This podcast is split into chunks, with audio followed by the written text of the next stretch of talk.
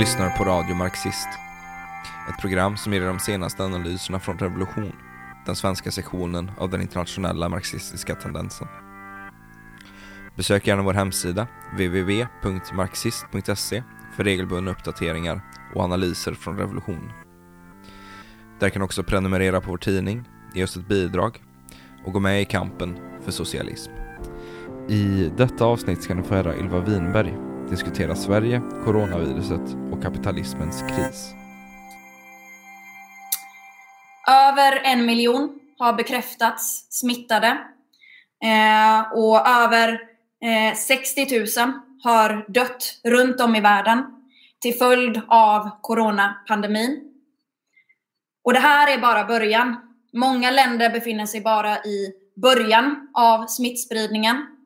Eh, och i takt med att pandemin når de allra fattigaste länderna i världen som eh, saknar ett verkligt sjukvårdssystem eh, och någon som helst förutsättning att kunna följa de hygienråd och den social distansering som nu rekommenderas så kommer antalet döda skjuta i höjden.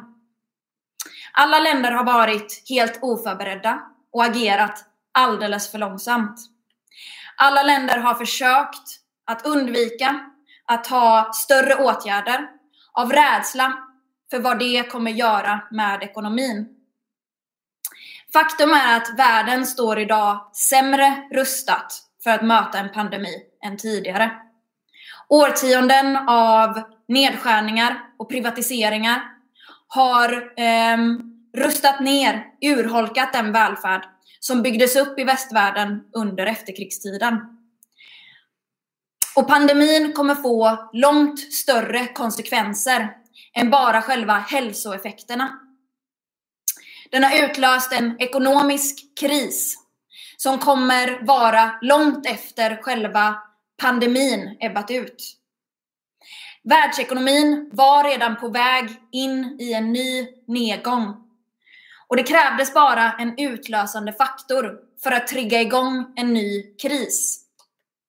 Sättet som pandemin påverkar ekonomin, där företag och fabriker har eh, lagts ner, tvingats tillfälligt stänga eh, eller minska produktionen, kommer att rubba världsekonomin och leda till en turbulens som kommer vara under en väldigt lång tid.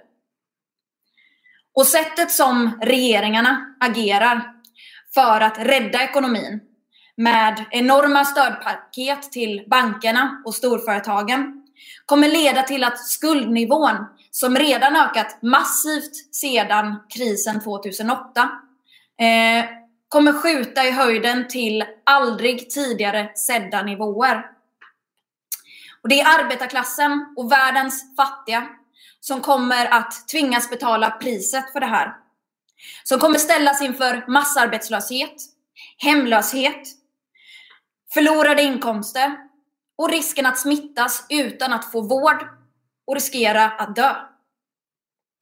Sverige har inte drabbats av den här typen av katastrofer på länge.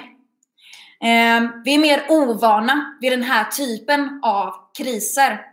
Sverige var inte med i de eh, två världskrigen och drabbas sällan av större naturkatastrofer. Många är helt oförberedda på hur hårt Sverige faktiskt kommer att drabbas. Många hyser en relativt stor tilltro till regeringen och till myndigheter. Att de vet vad de gör. Att de agerar utefter folkets bästa. Och regeringen och Folkhälsomyndigheten, de har gjort sitt bästa för att övertyga Sveriges befolkning om att Sverige är annorlunda. Vi kommer inte drabbas lika hårt som andra länder. Vi har en mer fungerande välfärd. Och många kanske går på det som sägs om Italien och andra sydeuropeiska eh, länder. De bor mer trångbott och det är därför det har blivit så illa som det har blivit där. Eh, det gör vi inte här. Eh, som tror att ja, men Sverige är mycket mer utvecklat och därför så kan vi inte drabbas så som andra länder har gjort. Men det är inte sant. Ingen vet såklart hur många som kommer att dö eh, och smittas till följd av den här pandemin. Eller hur långvarig den blir. Eh, men det vi kan säga, det är att svensk sjukvård står extremt dåligt rustat för det här. Och att den strategi som Sverige nu följer kommer leda till en total katastrof. Sveriges strategi det är att låta så många som möjligt smittas för att uppnå så kallad flockimmunitet. Det vill säga så många som möjligt ska smittas, uppnå immunitet och som man säger då så ska man då skydda riskgrupperna. Stefan Löfven, han erkände öppet häromdagen vad det här kommer innebära. Ehm, där han sa vi kommer få räkna dödsoffren i tusental och det är lika bra att vi förbereder oss på det. Det är bara att acceptera. Folkhälsomyndigheten har påstått att genom att man låter smittan sprida sig så kan man hindra en överbelastning av eh, vården och skydda riskgrupperna då. Men det här är falskt. Just för att man låter smittan sprida sig snabbt så kommer den väldigt snabbt leda till en överbelastning av sjukvården som vi ser just nu i Stockholm. Bristen på testkit gör att man inte ens testar vårdpersonal överallt. Vilket gör att många läkare, sjuksköterskor och undersköterskor tvingas stanna hemma på min, vid minsta tecken på förkylning, vilket ytterligare ökar bördan för de som arbetar. Och man kan faktiskt inte skydda riskgrupperna när man låter smittan sprida sig så här. Det säger sig självt att alla som kommer i kontakt med riskgrupper, till exempel de som arbetar på äldreboenden, riskerar eh, att eh, löpa en större risk för att smittas och i sin tur smitta de äldre när man inte gör allt man kan för att hindra pandemin från att sprida sig. Eh, minst 90 kommuner har redan misstänkta fall eh, av corona på äldreboenden, varav 43 har bekräftade fall. En tredjedel av äldreboenden i Stockholm eh, har bekräftade fall av coronasmittade boenden.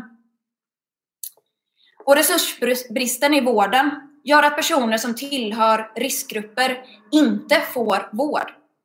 Exempelvis så var det en 58-årig kvinna som dog eh, för några veckor sedan. Ehm, som hade vårdat sin svärfar som dog i covid-19. Eh, hon fick sedan feber, ringde Vårdguiden och berättade att hon hade symptom. Eh, berättade att hon tillhörde en riskgrupp. Hon fick rådet att stanna hemma och ta Alvedon. Och när hon sedan tog, in, eh, tog sig in till sjukhuset så var det för sent och hon avled kort därefter. Så riskgrupperna skyddas inte alls. Stefan Löfven sa den 2 mars eh, att Sveriges samlade expertis och förmåga är mobiliserad för att hantera den här situationen.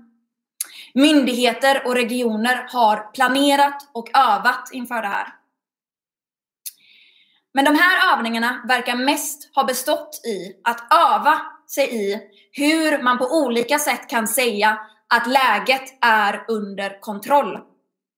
För vad arbetare rapporterar inom skolan, inom vården, inom omsorgen är just den totala bristen på riktlinjer. Bristen på förberedelser. Exempelvis så rapporterade akutläkaren Katrin Hruska eh, för DN hur man på flera håll i vården saknar riktlinjer för hur man ska hantera eh, misstänkta coronafall. Eh, hon beskrev hur misstänkt smittade patienter blandats med vanliga patienter. Och DN har också rapporterat om ett fall där en patient opererades akut på Nya Karolinska och hur eh, personalen först efteråt fick reda på att den här patienten hade testats positiv för eh, covid-19. Fick reda på det först efteråt och först då isolerades patienten. Sverige är nu unikt i hur få åtgärder som regeringen antar för att hindra spridningen. Och regeringen och Folkhälsomyndighetens budskap, det är att eftersom ingen vet exakt hur den här smittan fungerar, ingen vet exakt vad som gäller, vad som verkligen funkar, så kan lika gärna alla andra länder ha fel och Sverige ha rätt. De upprepar gång på gång att det inte finns någon tydlig vetenskaplig grund för att veta vad som är rätt och vad som är fel. Bakom det här finns en tydlig nationalistisk arrogans. Sverige är bättre än alla andra länder. Svenskar är mer förnuftiga. Och den svenska folkhälsomyndigheten är bättre än alla andra länders myndigheter och bättre än Världshälsoorganisationen. Lena Melin uttryckte det här väldigt tydligt i Aftonbladet, där hon skrev Var stolt du bor i Sverige. Här litar vi på förnuftet. Men att man inte vet så mycket om vad som faktiskt är effektivt. Det är faktiskt ett argument för att göra mer för att hindra smittspridningen. Det skulle ge mer tid till att tillföra mer resurser till sjukvården, få fram mer material Mer tid till att förstå hur smittan sprider sig. Mer tid till att bara inte utveckla ett eh, vaccin, men också ta fram bromsmediciner eh, och behandlingar som lindrar symptomen. Hade man inte gett upp smittspårningen som man bedrev i början, hade man eh, agerat tidigare, hade man i ett tidigare stadie masstestat, då hade man kunnat hindra smittan från att sprida sig, isolera de som smittats. Och då hade man inte behövt ta till så stora åtgärder eh, senare. Men den strategi som man nu bedriver, att göra så lite som möjligt, det kommer leda till eh, att man måste ta till mycket större, mer extrema åtgärder i ett senare skede. Den verkliga anledningen till att man inte vill stänga ner samhället, det är inte för att man har eh, bevis eller tror att ja, Sverige har en bra strategi kring den här smittan. Nej, det är för att man inte vill orsaka eh, för stora konsekvenser, för stor skada för ekonomin. Folkhälsomyndighetens analyschef eh, Lisa Browers, hon bekräftar det här svart på vitt. Där hon sa, vi kan inte stänga ner ett samhälle resor, transporter och sociala eh, umgängen i flera år. Det går inte. Jag tror inte ens att det är önskvärt. Ekonomin kollapsar långt innan. Det här är det verkliga budskapet från staten. Låt de svaga, låt de sjuka, låt de äldre dö. Det är värda offer. De behövs inte. Allt för att hålla igång ekonomin. Pandemin kan vara länge, vilket innebär att tusentals eller till och med tiotusentals kan dö i Sverige. Och det finns den här idén om att svenska kapitalister är snällare än andra länders. Den svenska staten är snällare. Det svenska samhället är mindre cyniskt än till exempel Storbritannien eller USA. Men finns det något bättre bevis på att det här är falskt än att de är villiga att offra tusentals eller till och med tiotusentals liv bara för att hålla igång ekonomin så att kapitalisterna kan fortsätta göra sina vinster. Eh, det är inte bara utländska experter som nu kritiserar Sverige. Eh, olika svenska forskare har också gjort det. Eh, matematikern Marcus Nilsson varnade nyligen Tegnell och Stefan Löfven för att de leker rysk roulette med den svenska befolkningen. Han sa att det jag känner nu, det är att vi alla vallas som får mot en katastrof. 2000 forskare från svenska lärosäten har skrivit under ett öppet brev till regeringen där de kräver striktare åtgärder. Och SVT Nyheter avslöjade i en artikel den 19 mars att en grupp forskare anklagat Folkhälsomyndigheten för att sakna kompetens, förmåga att ta del av internationella rapporter kring viruset och att de brister i medicinsk förmåga. En av dem som kritiserade Eh, Folkhälsomyndigheten var Joakim Rocklöv. som är professor i epidemiologi och folkhälsovetenskap vid Umeå universitet. Han skrev Betyder det att detta är en kalkylerad konsekvens som regeringen och Folkhälsomyndigheten tycker är okej? Okay? Hur många liv är de beredda att offra för att inte stänga ner och riskera större effekter på samhällsekonomin? Sanningen är denna. Regeringen lägger över ansvaret för att bekämpa pandemin på individnivå. Det är vanliga människor som ska låta bli att gå till jobbet om de är sjuka. Det är vanliga människor som ska jobba hemifrån om de kan. Det är vanliga människor som maniskt ska tvätta händerna eh, och strikt upprätthålla en social distansering. Och blir man sjuk eller smittar någon annan, då är det ens eget fel. Varför kan den svenska regeringen agera så passivt? Det är just för att de är vana vid att svenska arbetare har en tilltro till staten, litar på staten. De är vana vid att arbetarrörelsens ledning kan hålla tillbaka missnöjet när det uppstår. Men det här är inte en vanlig situation. När antalet döda skjuter i höjden i Sverige, när katastrofen är ett faktum, så kommer den nuvarande tilliten att förvandlas till raseri.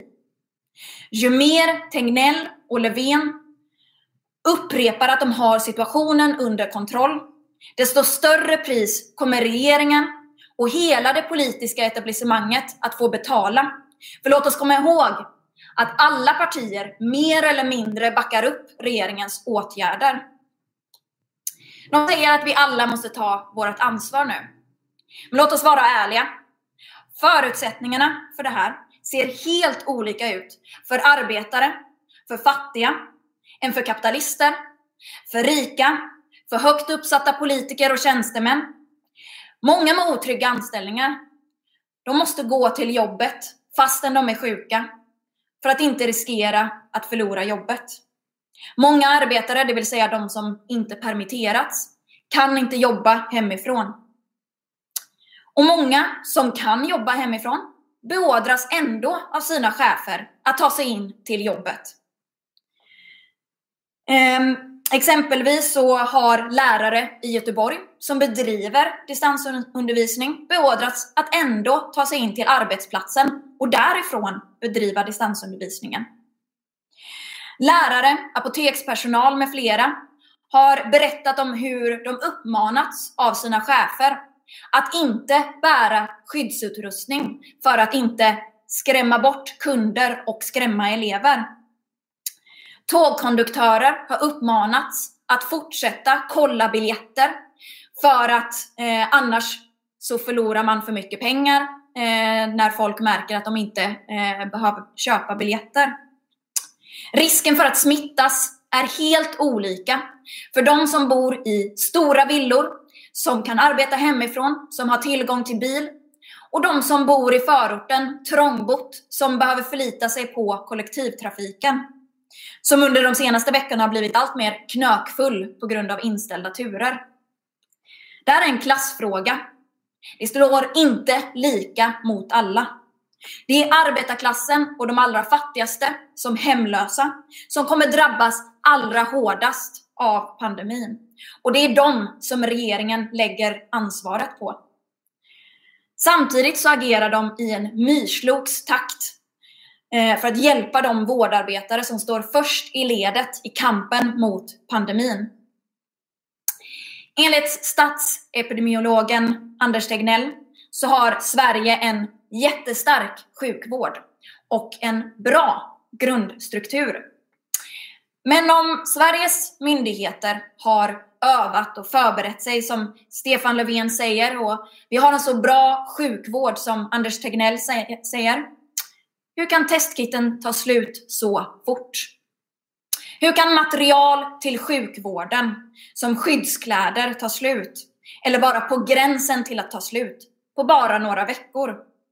Hur kan de först under den senaste tiden förstå att de måste bygga fler sjukhus för att det inte finns tillräckligt med vårdplatser. Coronaviruset bröt inte ut igår. De har vetat om det i flera månader. Svaret är enkelt. De har inte alls förberett sig. De har förberett sig på att Sverige inte kommer att drabbas. Vilket också visas av uttalanden som Folkhälsomyndigheten gjort. Där de först sa smittan stannar i Kina. Den 27 januari sa de det är mycket liten risk för eh, smittspridning i samhället. Och de sa karantän behövs bara för de som visar eh, symptom. De har inte förutsett någonting och de har inte förberett sig. Sverige har inte alls en jättestark sjukvård. Sverige har lägst antal vårdplatser per tusen invånare i hela OECD. Antalet har mer än halverats sedan 90-talet. Och när den senaste undersökningen gjordes på antal intensivvårdsplatser 2012 så hade Sverige näst lägst antal intensivvårdsplatser inom hela EU. Hälften så många som Italien. Och läget har knappast blivit bättre under de senaste åren. Nu har man varnat för att intensivvårdsplatserna eh, är på väg att ta helt slut i Stockholm. Där man kommer i sådana fall tvingas skicka hem patienter som egentligen behöver vård. Eller inte ta in patienter, eller både och. Överallt kommer rapporter från vårdarbetare om vilken katastrofal arbetssituation som de arbetar under. 12 timmars pass eller mer. 60 timmar i veckan för de som arbetar på intensivvårdsavdelningarna i Stockholm. Samtidigt som regionen vägrar att aktivera det krislägesavtal som de skrivit på som skulle ge arbetarna högre ersättning. Arbetare inom äldreomsorgen rapporterar om hur kollegor är rädda för att smittas och därför sjukskriver sig. Så att de som arbetar kvar tvingas arbeta dubbla pass flera dagar i sträck. På grund av att de inte har någon skyddsutrustning. På Östra sjukhuset i Göteborg eh, så har facket satt in ett skyddsstopp på vissa arbetsmoment eh, för att hindra smittspridning. Ambulansförbundet har nu vänt sig till Finland för att be om hjälp med material för att den svenska regeringen inte lyssnat. Till slut så blev bristen på skyddskläder så stor att riktlinjerna plötsligt ändrades. Helt plötsligt så behöver man inte eh, ha långärmade kläder. Det räcker med att desinficera armarna med eh, desinfektionsmedel som också är slut eller är extrem brist på. Helt plötsligt så behövs det inte munskydd och visir, det räcker med visir. I en grupp på Facebook eh, som heter Vägra sänka hygienkraven covid-19 som nu har nära 60 000 medlemmar så har vård och omsorgsarbetare eh, rasat mot det här. Och många säger mycket riktigt att politikerna som fattar besluten skulle aldrig accepterat att arbeta under sådana här förhållanden. Ändå så säger Johanna Sandvall, eh, krisberedskapschef för eh, Socialstyrelsen, att risken är noll för vårdarbetare att smittas om de använder de rekommendationer som finns, har rätt utbildning och rätt kompetens för att använda skyddsutrustningen. Det här klippet delades i den här Facebookgruppen eh, och fylldes snabbt av arga kommentarer som Står hon och säger att risken är noll att bli smittad om man har kompetensen och använder skyddsutrustningen rätt? Så då är det vårdpersonalens fel att de blir smittade. Och de här politikerna går över lik om det behövs för att hålla eh, sig kvar vid makten. Och lätt att säga när man sitter på kontoret och inte träffar någon patient. Och mitt i allt detta så ligger sparkraven kvar på Stockholms sjukhus. Och utförsäljningarna fortsätter, där man nu sålt ut Bromma sjukhus till ett fastighetsbolag. Politikerna de beter sig som att det inte finns så mycket som de kan göra åt resursbristen snabbt. Eh, vi måste acceptera att det tar tid. Och som att det inte är deras fel att det finns en resursbrist. Det är budskapet som vi får från regeringen, från myndigheter, från kommuner, regioner. Den här krisen kunde inte ha förutsetts. Det finns ingenting som man hade kunnat göra för att förbereda sjukvården och förhindra eh, att den överbelastas. Men det är ju just politikerna som har skurit ner och privatiserat välfärden i 30 år. Både Socialdemokraterna, Miljöpartiet och högern bär ansvaret för det här. De värsta privatiseringarna och de största skattesänkningarna genomfördes av högern, som privatiseringen av apoteket. Men nedskärningar har genomförts under socialdemokratiska regeringar, kommunstyrelser, regionstyrelser. Och de har inte lyft ett finger för att ta tillbaka de försämringar som genomfördes under alliansregeringen. Sverige hade en bättre beredskap tidigare. Inte bara sjukvården, utan även militären hade stora lager av läkemedel, förnödenheter, material, skyddsrum, räddningshelikoptrar, brandbilar, ambulanser och hela sjukhus, både fasta och mobila, med respirator och intensivvård. Men det här skars ner under 90-talet och materialet slängdes. Sedan dess har antalet akutsjukhus krympt från 115 stycken år 1970 till 70 stycken 2020. Antalet fältsjukhus har sjunkit från 50 till 2 sedan 1990. Beredskapslager med läkemedel och utrustning samt inhemsk tillverkning har helt avskaffats. Det övergripande ansvaret för läkemedelsförsörjning som apoteket hade, även vid kriser och höjd beredskap, försvann med privatiseringen.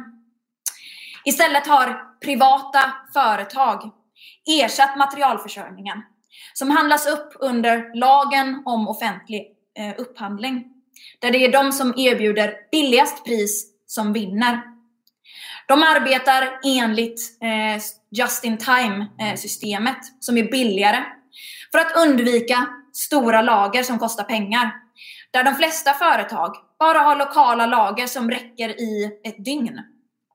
Att marknaden är totalt inkapabel att lösa en krissituation visas av att till och med personer från högern nu ropar efter att staten ska agera. Staten ska ge mer pengar till kommuner och regioner. Ulf Kristersson kräver helt plötsligt ett statligt sjukvårdslager. Något som hans parti röstade nej till så sent som i höstas förra året. När ekonomin går bra så kräver de nedskärningar, privatiseringar och skattesänkningar och att staten ska hålla sig långt borta från marknaden som löser allt. Men när det blir en kris så måste staten kliva in. För helt plötsligt så visar det sig att marknaden har löst allt så bra att materialet tar slut på några veckor. De här eh, privata företagen passar dessutom nu på att höja priserna. En av statens stora leverantörer på hygien och städprodukter, eh, de har nu höjt priserna på sina produkter med över 900 procent för livsviktiga produkter, bland annat handsprit, vilket staten har accepterat. Det här är vad som händer när man gör sig beroende av privata företag som endast arbetar utefter en princip, att göra vinst. De politiker som nu kallar sjukvårdspersonalen för hjältar är de som har orsakat det kaos som nu råder. Redan innan coronakrisen så var hela välfärden på bristningsgränsen. Vården hade redan en belastning av vårdplatser på 105 procent. Läkaren Cecilia Verdinelli som eh, arbetar på Salgrenska univers- eh, sjukhus i eh, Göteborg. Hon beskrev eh, situationen inom vården innan corona som att man lekte hela havet stormar. Hon skrev Hela havet stormar är normen inom svensk intensivvård. Alla som går jour på ett svenskt sjukhus vet hur svårt det är att få in en instabil patient från en vårdavdelning på intensivvården. Bristen på platser gör att rätt nykläckta underläkare får hantera alldeles för sjuka patienter med maxad syrgas och maxat vätskedropp på vanliga vårdavdelningar farligt länge. Inget av detta är effekter av covid-19. Det här är läget före covid-19.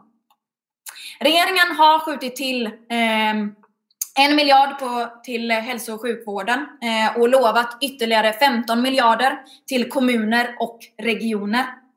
Något som Magdalena Andersson kallade för det största krispaketet någonsin till den här sektorn. Det här är långt ifrån vad som behövs för att eh, täcka de gapande sår som skapats av 30 års nedrustning. Och för att jämföra, det är lika mycket som RUT och ROT-avdraget kostar varje år. Och det är en struntsumma i jämförelse med de eh, stora summor pengar som regeringen har lagt på företagen och bankerna. Som en vårdarbetare skrev på Facebook. Vem fan av oss som står upp mitt, mitt upp i all katastrof vill ha applåder och hjärtan och höra att vi är värdefulla. Vi vill ha ordentligt betalt, bättre tider och virustäta munskydd. Ingen polis behöver göra en insats utan skyddsväst och få höra av sin chef att ta på en tjockare tröja, för det skyddar ungefär lika bra. Ingen brandman behöver stå i shorts och tröja när det brinner, utan ha sin säkra skyddsutrustning. Vi som har ett av världens farligaste och ut, mest utsatta jobb just nu får ett litet silkespapper till munskydd och en klapp på axeln och förväntas klara livet på alla utom oss själva. Som vårdpersonal är vi inte ens värda skiten under skorna på de som bestämmer. Det har de gjort väldigt tydligt. Regeringen säger att eh, de vill undvika större åtgärder för att undvika en ekonomisk kris. Men en ekonomisk kris sker ändå. För en, eh, krisen beror inte på corona. Den beror på kapitalismen. Världen har gått in i en ny lågkonjunktur. Och det är mycket möjligt att det vi nu ser är början på en depression likt den på 30-talet. Det vill säga en långvarig, djup kris. Sverige är inte en isolerad ö. Går omvärlden in i en kris så gör Sverige det också. Rättare sagt, det har redan börjat. Flera storföretag som Volvo och Scania har tvingats permittera en stor del av sin arbetskraft. Inte för att de bryr sig om arbetarnas hälsa eller risken för att smittas, utan för att de saknar komponenter för att kunna producera från andra länder. Antalet varsel som sker nu sker i en rekordhög takt, mycket högre än krisen 2008-2009. 18 433 personer varslades om uppsägning förra veckan. Totalt varslades 36 800 personer om uppsägning i mars. 40% av varslen sker inom hotell och restaurang, vilket i första hand drabbar unga med otrygga anställningar. Dessutom bör man lägga till alla de som har timanställningar som eh, kanske inte varslats, men som bara inte får några pass inbokade. Tusentals unga arbetare har därmed ställts utan inkomst redan nu. Konkurserna ökar också. Inom hotell och restaurangbranschen så ökade de med 123 procent jämfört med samma period ett år tidigare. Inom transportsektorn så ökade konkurserna med 105 procent i mars i jämförelse med samma period ett år tidigare. Och det här är bara början. Krisen kommer att förvärras internationellt och drabba svensk exportindustri allt hårdare.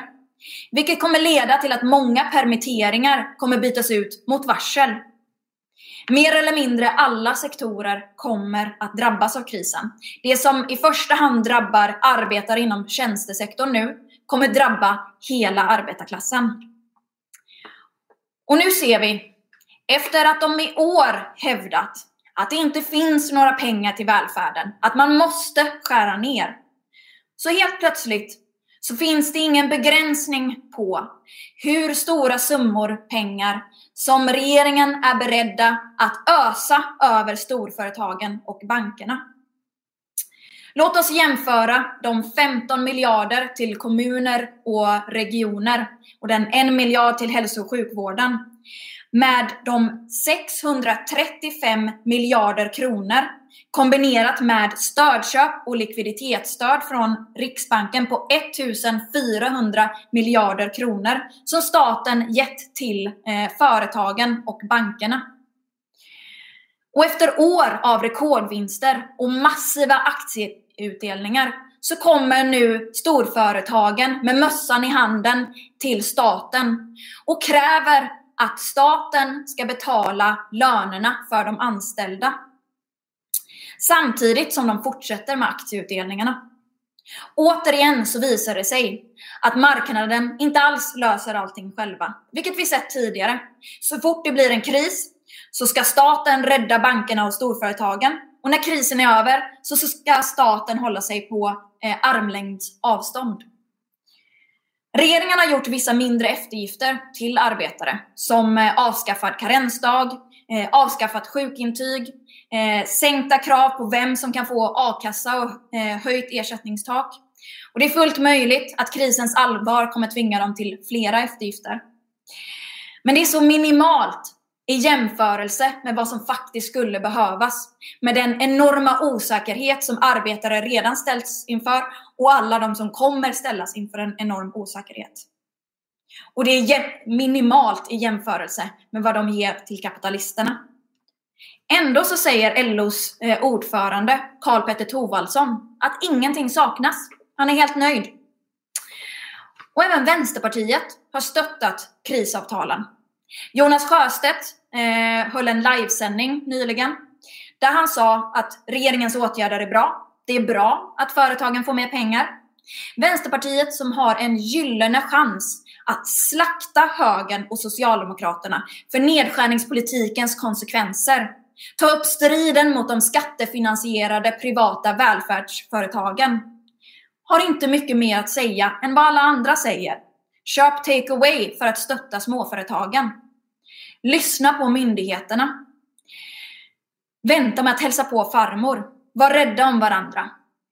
Tvätta händerna. Håll avstånd. Tänk på de äldre. Hör av er till gamla vänner.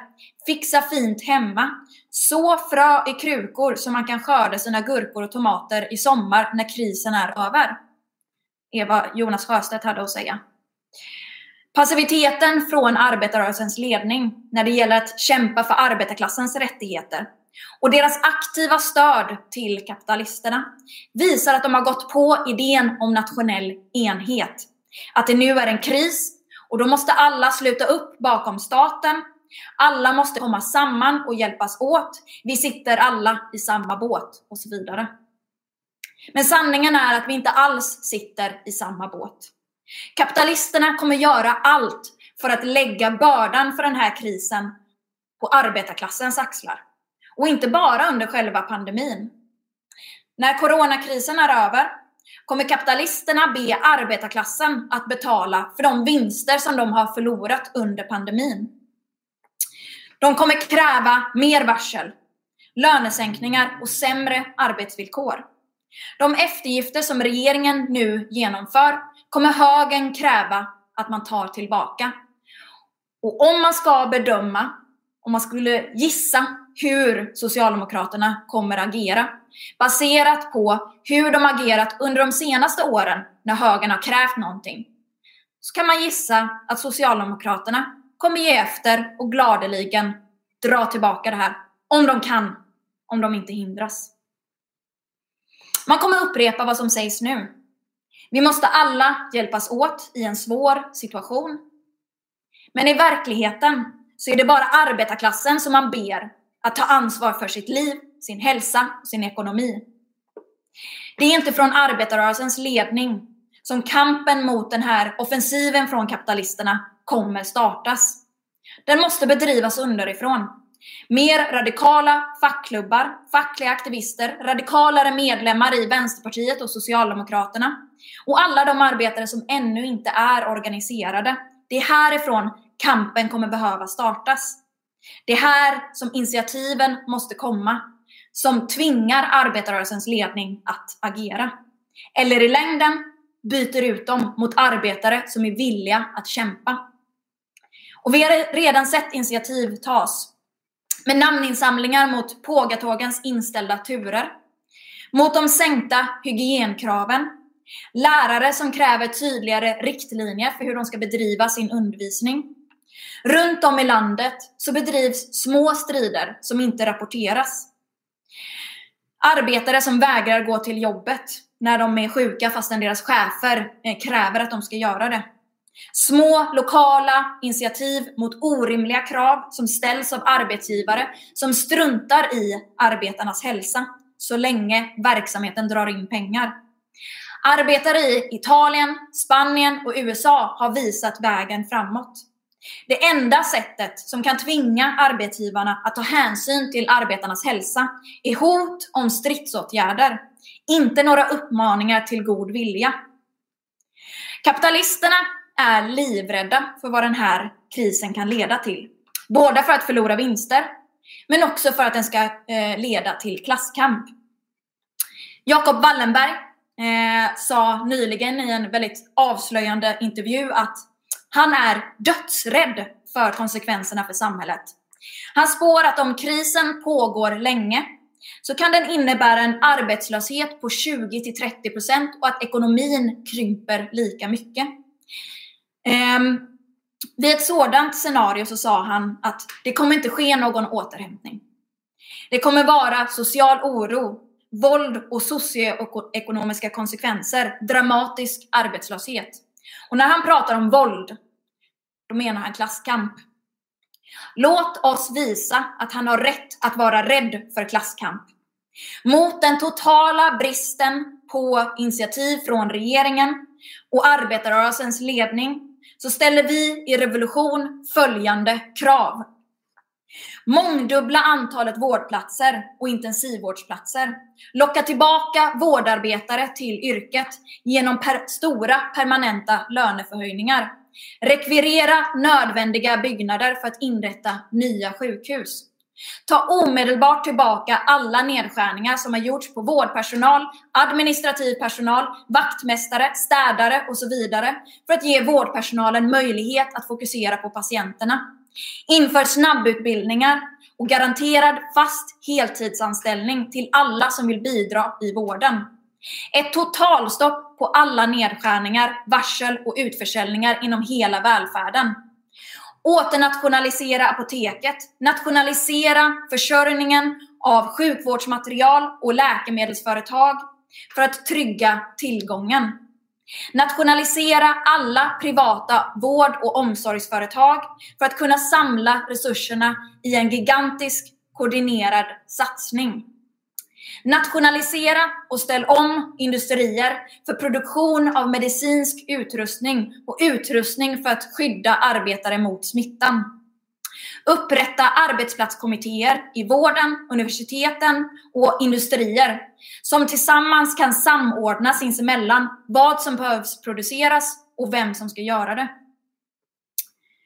Stäng alla icke-samhällsnödvändiga arbetsplatser för att minska smittspridningen och låt alla arbetare stanna hemma med full lön som betalas av företagen och inte av staten.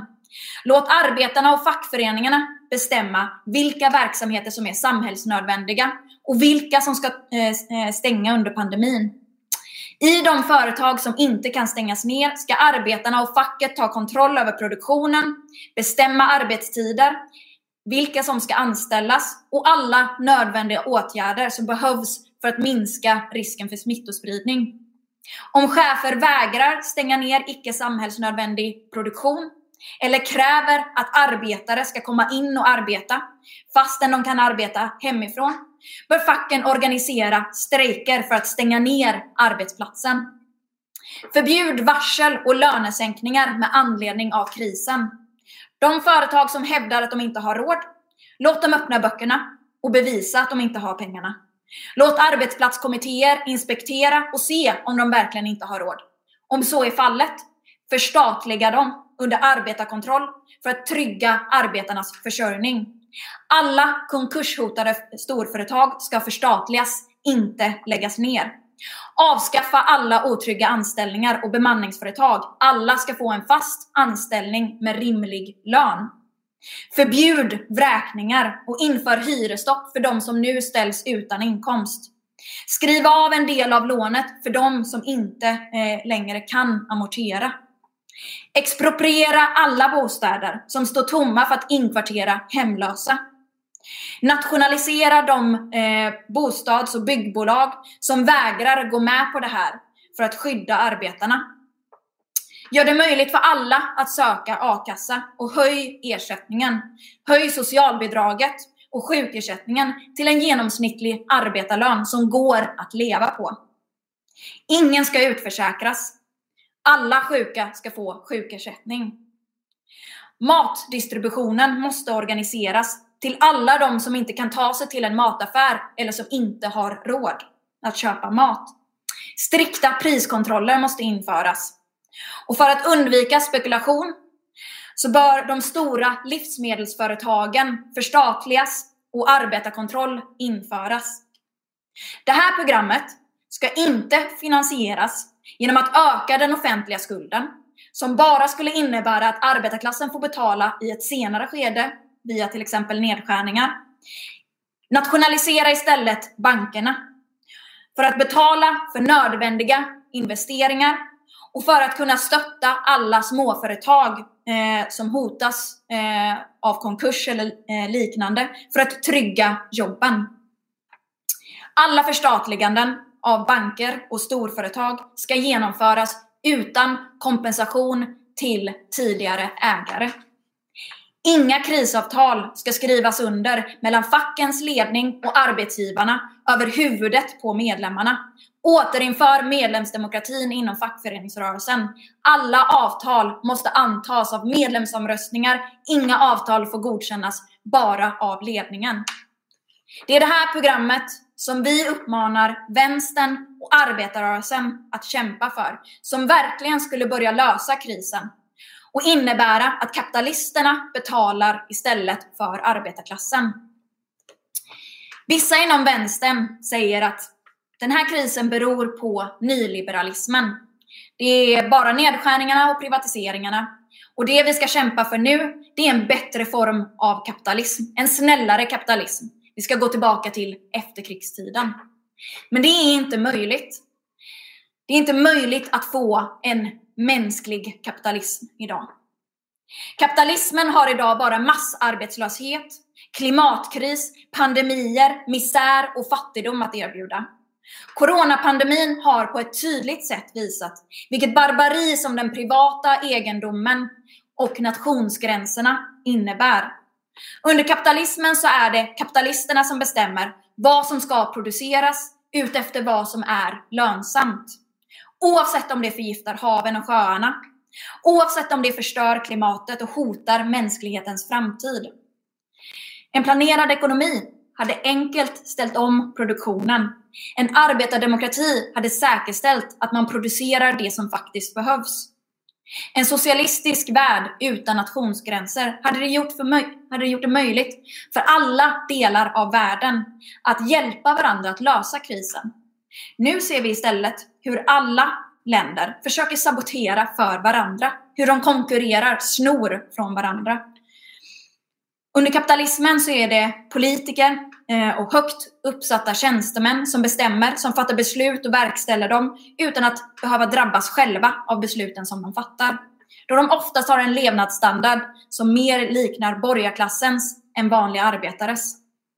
Under en socialistisk arbetardemokrati så är det arbetarna som styr samhället. Det är vårdarbetarna, industriarbetarna, ingenjörer, städare, transportarbetare. Det är arbetarklassen som gör allt samhällsnödvändigt arbete. Som vet vad som behövs och vem som kan göra det. Vi behöver inte kapitalisterna, men de behöver oss. Utan arbetarklassens godkännande så står hela samhället stilla. Inte en enda spårvagn kör. Inte en enda matvara säljs utan arbetarklassens godkännande. Arbetarklassen har makten att stanna hela samhället. Och därmed också makten att ta över det och styra det själva. Det är den verkliga innebörden i socialism. Det är den verkliga innebörden av en socialistisk revolution När arbetarklassen tar makten ifrån kapitalisterna och befriar mänskligheten från dessa parasiter. Och det är vad vi i revolution kämpar för. En socialistisk revolution. Coronapandemin och den kris som den utlöst har tydligt visat på behovet av en fullständig omvandling av samhället. Alla som kollar på denna video, gå med oss i revolution. Gå med oss i den internationella marxistiska tendensen. Kämpa för en världsrevolution som avskaffar den här, det här systemet. Kämpa för socialism i våran livstid.